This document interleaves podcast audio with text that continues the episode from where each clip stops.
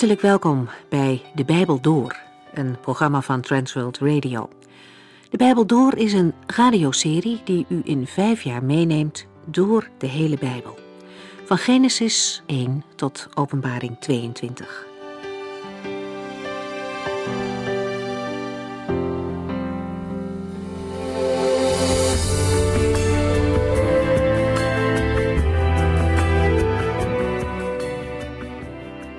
Fijn dat u weer luistert naar deze uitzending over het Hooglied van Salomo.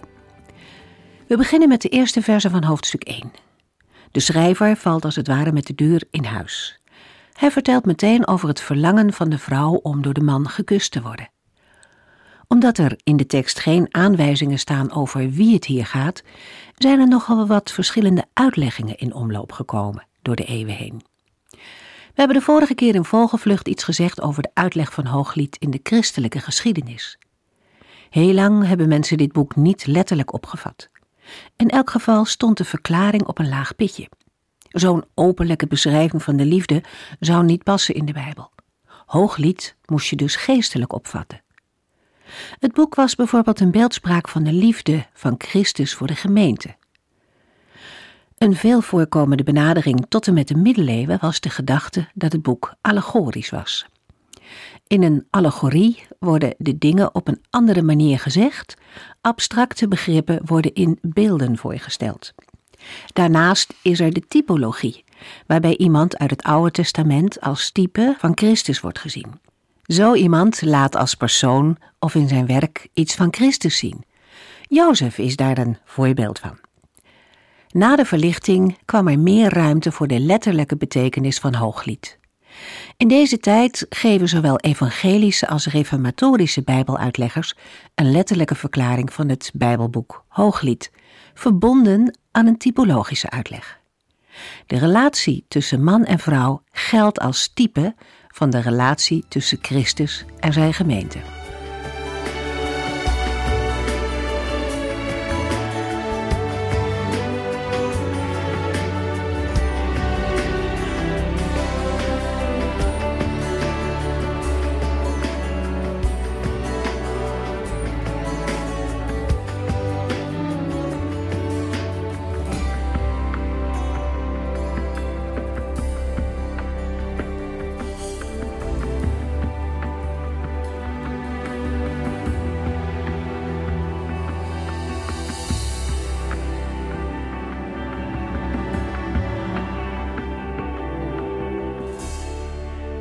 De vorige uitzending sloten we af met de zoektocht van de bruid naar haar geliefde.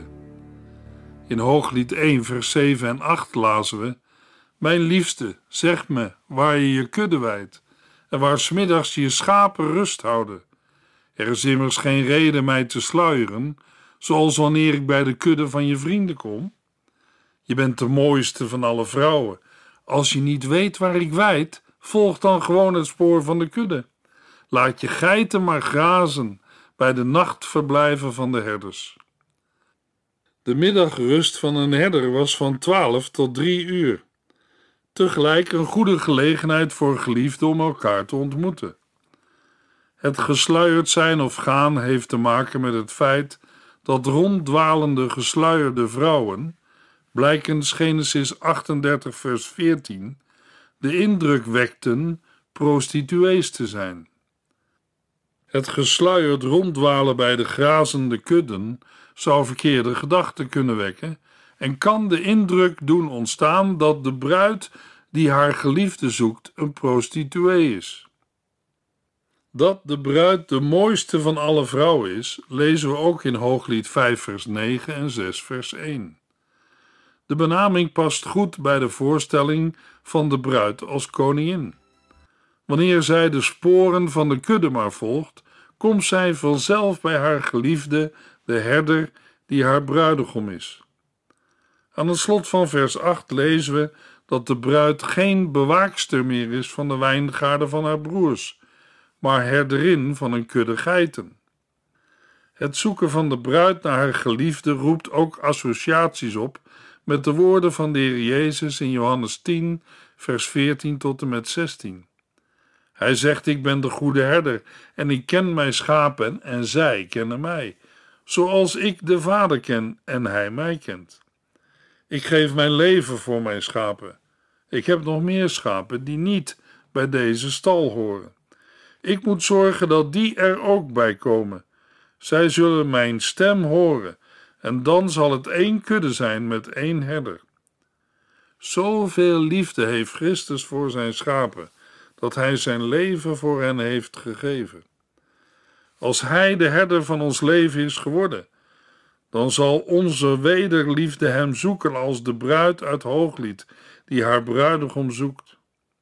Luisteraar, kent u de stem van de goede herder? De woorden uit Johannes 10 van de Heer Jezus laten ook zien dat de Heer niet alleen de goede herder wil zijn van het volk Israël, maar ook van mensen die niet van Joodse afkomst zijn. Jezus zegt: Ik heb nog meer schapen die niet bij deze stal horen. Ik moet zorgen dat die er ook bij komen. Zij zullen mijn stem horen, en dan zal het één kudde zijn met één herder. Daarom vraag ik u: kent u de stem van de goede herder? Aan de andere kant, wat zal het antwoord van de goede herder zijn op uw zoeken van hem? Om het in analogie van de woorden uit Hooglied 1 vers 8 te zeggen: De Heere zal zeggen: U bent de mooiste. Wie achter mij wil komen, die neemt dagelijks zijn kruis op en volgt mij. Volg gewoon het spoor van zijn kudde, van zijn gemeente en kinderen. Graast u maar in de sappige weiden van zijn woord. Hij wijst u de weg langs kabbelende beekjes en leidt u op de weg waar zijn recht geldt. Hoe ik dat weet? Omdat de heiland zelf in Johannes 3, vers 16 tot en met 18 heeft gezegd: Want God heeft zoveel liefde voor de wereld, dat hij zijn enige zoon heeft gegeven, zodat ieder die in hem gelooft niet verloren gaat, maar eeuwig leven heeft. God heeft zijn zoon niet naar de wereld gestuurd om de wereld te veroordelen, maar om haar door hem van de ondergang te redden. Wie zijn vertrouwen op Jezus stelt, wordt niet veroordeeld. Maar wie niet gelooft, is al veroordeeld, omdat hij geen vertrouwen heeft gehad in de naam van Gods enige zoon. Luisteraar, er is toch niemand die wil beweren dat hij die gekomen is om u, jou en mij van de ondergang te redden, niet van ons zou houden. En hij die zoveel van u en jou houdt, die ga je toch zoeken met alles wat in je is? Het wonderlijke daarbij is dat hij de eerste is die ons is komen zoeken. Daar wordt de mens stil van. Daar zijn geen woorden voor. Je stamelt voorzichtig. Mijn Jezus, ik hou van u, want u hield van mij. De Heer is mijn herder, hij waakt voor mijn ziel, hij brengt mij op wegen van goedheid en zegen, hij schraagt mij als ik wankel, hij draagt me als ik viel. We gaan verder met het lezen van Hooglied 1 vers 9. Allerliefste, ik vergelijk je met de mooiste merrie voor de wagen van de farao. De geliefden hebben elkaar gevonden en spreken met elkaar. De bruidegom vergelijkt zijn bruid met de mooiste merrie voor de wagen van de farao. Dat kan voor ons vreemd overkomen en hoort niet direct tot de woorden die wij als liefkozingen gebruiken. Waarschijnlijk zal een vrouw die met een paard wordt vergeleken het eerder als een belediging dan als een compliment opvatten. In dit geval moeten we er toch anders tegen aankijken. Het punt van vergelijking is in vers 9 de schoonheid en de fraaie versieringen van de Egyptische paarden en wagens. Egypte was bekend vanwege zijn paarden en exporteerde ook veel paarden naar het buitenland. Naast de schoonheid en de fraaie versieringen kunnen ook de sierlijke bewegingen van het paard zijn bedoeld. In het algemeen kunnen we zeggen dat tot op de dag van vandaag het paard in het oosten nog steeds geldt als een beeld voor een geliefde. Farao's paarden golden in die tijd voor het mooiste wat er op dit gebied bestond. Daarnaast waren de paarden van de farao altijd prachtig versierd met hangers van kettingjes, metaalplaatjes of munten. Deze werden bevestigd aan een hoofdsieraad van een paard. Hooglied 1, vers 10. Je wangen komen mooi uit tussen de sieraden die je draagt, en je hals rijst zo fraai op boven de halssieraden. De bruidegom gebruikt de metafoor van het paard om zijn bruid het hof te maken. Hij kan niet stoppen en is verrukt over haar schoonheid en verschijning. Toen Mozes en de Israëlieten bij de Rietzee kwamen, bij hun vlucht uit Egypte, merkten zij dat er geen mogelijkheid was om te ontkomen aan de wagens en ruiters van de farao.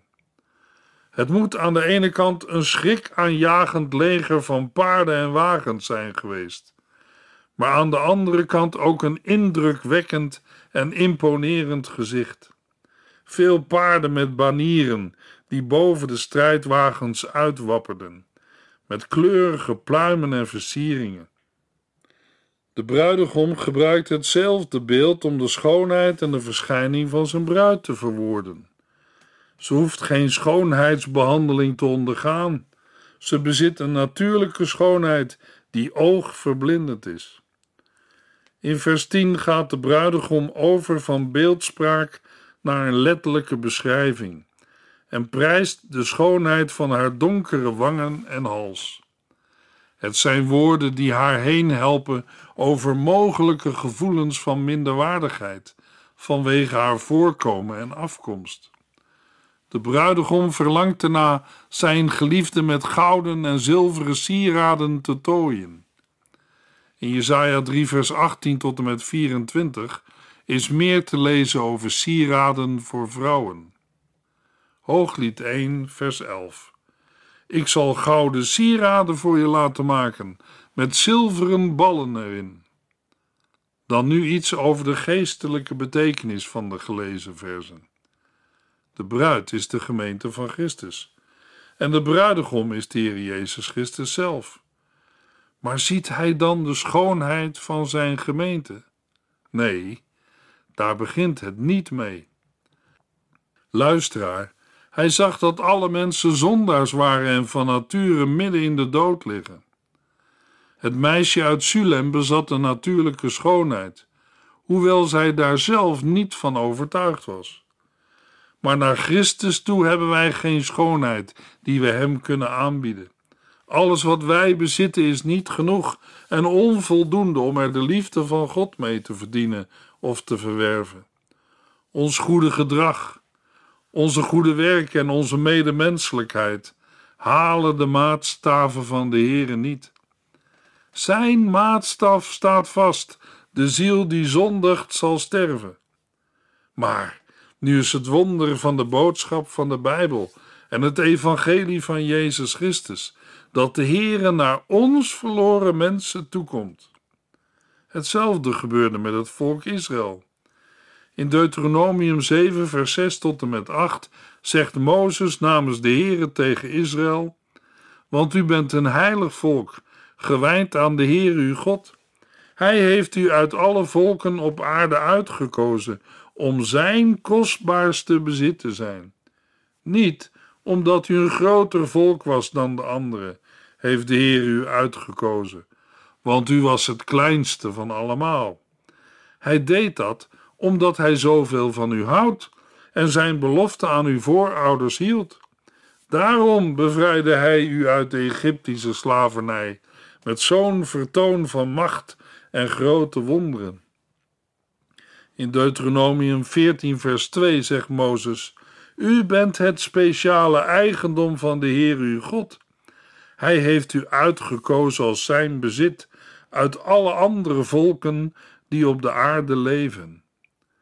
Israël werd door de Heere geroepen om een volk van priesters te zijn, om de grote daden van de Heere te verkondigen, opdat ook andere volken de Heere zouden dienen. De Heere heeft altijd al het hele menselijke geslacht uit alle volken, talen en natieën op het oog gehad. Er is bij de Heere geen exclusief hoekje voor een speciaal groepje.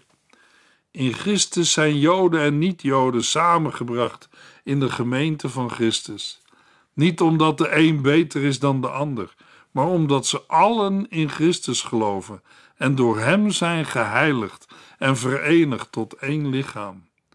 Ook wij moeten toegeven dat we allemaal God hebben verlaten en van nature niet doen wat Hij zegt. En daar liggen wij met z'n allen in de dood. Van onze kant is er geen redden meer aan. De Heer heeft nooit tegen Israël gezegd: Ik bevrijd jullie uit Egypte omdat jullie beter zijn dan de Egyptenaren en de andere volken. Wij hebben gelezen dat ze het kleinste volk waren van allemaal. De Heer heeft hen ook niet bevrijd omdat de Israëlieten zo'n groot geloof hadden in de Heer. Nee, zij hadden niet geloofd in de Heer. Ze vertrouwden meer op zichzelf en de afgoden dan op de Heer. Wat was er voor de Heer dan nog aantrekkelijk aan hen? Waarom besteedde hij zijn tijd nog aan hen? Het antwoord heeft de Heer aan Mozes gegeven. We lezen het in Handelingen 7, vers 34. Ik heb gezien en gehoord hoe mijn volk in Egypte wordt onderdrukt en mishandeld, hoe het zucht van ellende. Ik ben gekomen om het te bevrijden. Daarom wil ik u naar Egypte sturen. Het antwoord van de Heere heeft alles te maken met zijn liefde en genade. Het was de totale verlorenheid van de Israëlieten die de Heere ertoe heeft gebracht Israël te redden. Hij deed dat omdat hij zoveel van hen hield en zijn belofte aan hun voorouders hield. De Heere komt altijd zijn belofte na. Hij zal doen wat hij heeft beloofd. Dat doet de Heere vandaag nog steeds. Het was onze verlorenheid die hem ertoe bracht ons te redden. De Heere zegt dat mensen zullen worden gered als ze hun vertrouwen stellen op de Heer Jezus Christus. Hij is het prachtigste sieraad wat ooit voor mensen is gegeven. Om het met de woorden van Hooglied 1 vers 11 te zeggen: Ik zal gouden sieraden voor je laten maken, met zilveren ballen erin. In Christus heeft de Heer dat ook voor u gedaan. De hemelse bruidegom Christus heeft uit liefde voor zijn gemeente zijn leven gegeven. In Efeziërs 5 vers 2 staat Wees vol liefde, net als Christus, die zoveel van u hield, dat hij zich voor u opofferde om uw zonde weg te nemen. God nam dit offer van Christus aan. Het was als een heerlijke geur voor hem. En waar zal dit alles heen voeren? Efeziërs 5, vers 27. Hij wilde dat de gemeente stralend voor hem zou staan, volmaakt zonder vlek of rimpel. Ze moest heilig en zuiver zijn. Hij heeft ons gelovigen verlost. Hij heeft de prijs voor ons betaald. Hij heeft de zonde van ons weggedaan en zijn rechtvaardigheid voor ons verworven. We zijn bedekt en bekleed met de rechtvaardigheid van Christus, volledig met Hem verenigd en door God de Vader geaccepteerd in Zijn liefde. Hooglied 1, vers 12. Zolang de koning aan tafel zit, kun je de geur van mijn nardusparfum ruiken. Na vers 11 en het loflied van de bruidegom op de schoonheid van zijn bruid, reageert de bruid vanaf vers 12 met beeldende taal over liefde, geuren en bloemen. De bruid spreekt over de geur van haar nardusparfum. Nardus is een plant die voorkomt in Nepal en andere gebieden van de Himalaya. De plant levert een etherische oliesoort die vermengd met andere oliën in de oudheid werd gebruikt voor de productie van zeer kostbare zalfolie of narduszalf. Het woord komt in het Oude Testament alleen nog voor in Hooglied 4 vers 13 en 14. Daar nardus vooral in persoonlijke verzorging gebruikt werd, slaat dit beeld op alles wat de bruid zelf is. De geur van haar nardusparfum dringt overal door, terwijl de bruidegom in vers 12 opnieuw aangeduid als de koning op zijn rustbank aan het feestmaal aanligt. In de vertaling van het boek staat voor rustbank tafel, opdat we het beter kunnen begrijpen. Maar de koning lag niet op een bed om te slapen, maar op een soort divan of rustbank. In die tijd lag men aan bij een feestmaaltijd. Alle aanzittenden ruiken de geur van de nardusparfum. De dure en kostbare nardusparfum is ook een beeld van het feit dat de bruid alles geeft wat ze aan bekoorlijkheden bieden kan. De geestelijke lijn naar vandaag is dat de gelovigen op weg zijn naar de bruiloft van het Lam. Luisteraar, ook Jezus zegt in Openbaring 3, vers 20: Luister, ik sta voor de deur en klop. Als iemand mij hoort en de deur opendoet, zal ik bij hem binnenkomen. Dan zullen wij samen eten, hij met mij en ik met hem. Een vooruitzien naar dit bruiloftsmaal zien we terug in de viering van het heilige avondmaal. Samen met de Heer Jezus en al de zusters en broeders aan één tafel. Ook aan het avondmaal kan het de ervaring van een gelovige zijn. Ik kan de geur van zijn nardusparfum ruiken. In hooglied bereikt de bruid de bruidegom met haar geur. Een gelovige kan de geur van Christus ervaren in de viering van het avondmaal. In 2 Korintiërs 2 vers 14 worden gelovigen opgeroepen om het goede nieuws als een aangename geur te verspreiden. Hooglied 1 vers 13 Mijn liefste rust tussen mijn borsten als een bundel meren. Na de beschrijving van de geur die haar geliefde bereikt, beschrijft de bruid hem als een bundeltje meren die de nacht tussen haar borsten doorbrengt. Daarmee duidt ze aan hoe kostbaar haar geliefde voor haar is en hoezeer hij haar raakt en blij maakt. Het woord bundel duidt op een zakje of buideltje van stof waarin kostbaarheden of geldstukken werden bewaard. Mirre is een sterk geurige harssoort afkomstig uit Arabië. De mirre werd vloeibaar gemaakt met olie of in verdroogde harde vorm gebruikt. De harde vorm kon in een buideltje worden bewaard. Daarmee is een bundel meren een zakje korrels en geen bosje takjes. Ook in het Nieuwe Testament komen we meren tegen, in bijvoorbeeld Matthäus 2, vers 11 en Johannes 19, vers 39. De vergelijking die in vers 13 wordt gemaakt met een bundel meren tussen de borsten hangt samen met een in die tijd vaker voortkomend gebruik in het Oude Oosten. Vrouwen droegen vaker een bundeltje met mere korrels bij zich om lekker te ruiken. Het was voor henzelf en anderen aangenaam om te ruiken en bij in de buurt te zijn. Zo verwoordt de bruid haar verlangen naar haar geliefde en zijn intimiteit. Het sluit aan bij Hooglied 1, vers 14, waar we lezen: Mijn liefste lijkt in mijn ogen op een tros bloemen in de wijngaarden van Engedi. Een tweede vergelijking met een tros hennabloemen bevestigt het voorgaande en maakt de verrukking over haar bruidegom groter. De bedoelde tros bloemen zijn de witte bloemen van de henna-struik, een van de mooiste bloemen uit de Egyptische plantenwereld. Engedi is een oase in het midden van de westelijke oever van de Dode Zee. De naam betekent eigenlijk boksbron. Het is een rijkelijk stromende warme bron die ongeveer op een hoogte van ruim 120 meter uit de bergwand komt en oorzaak is van de vruchtbaarheid van de oase van Engedi. Er groeien palmen, wijnstokken en verschillende goed ruikende kruiden. Engedi is een bekende plaats met een bijzonder rijke plantengroei. Ook deze vergelijking drukt het verlangen van de bruid naar haar geliefde uit. Door verwijzing naar Engedi laat zij uitkomen dat de geur functioneert als symbool voor de aanwezigheid van haar geliefde en maakt het zelfs tot een oase van verfrissing en intimiteit. De beeldrijke taal past bij het verlangen van de bruid, maar hoeft niet te betekenen dat het huwelijk al is voltrokken. In geestelijk opzicht kan het voor ons dierbaar en rijk zijn om te overdenken hoe kostbaar en rijk de band met Christus mag zijn. Ook de gemeente van Christus ziet met rijkhalzend verlangen uit naar de komst van haar bruidegom op de wolken des hemels.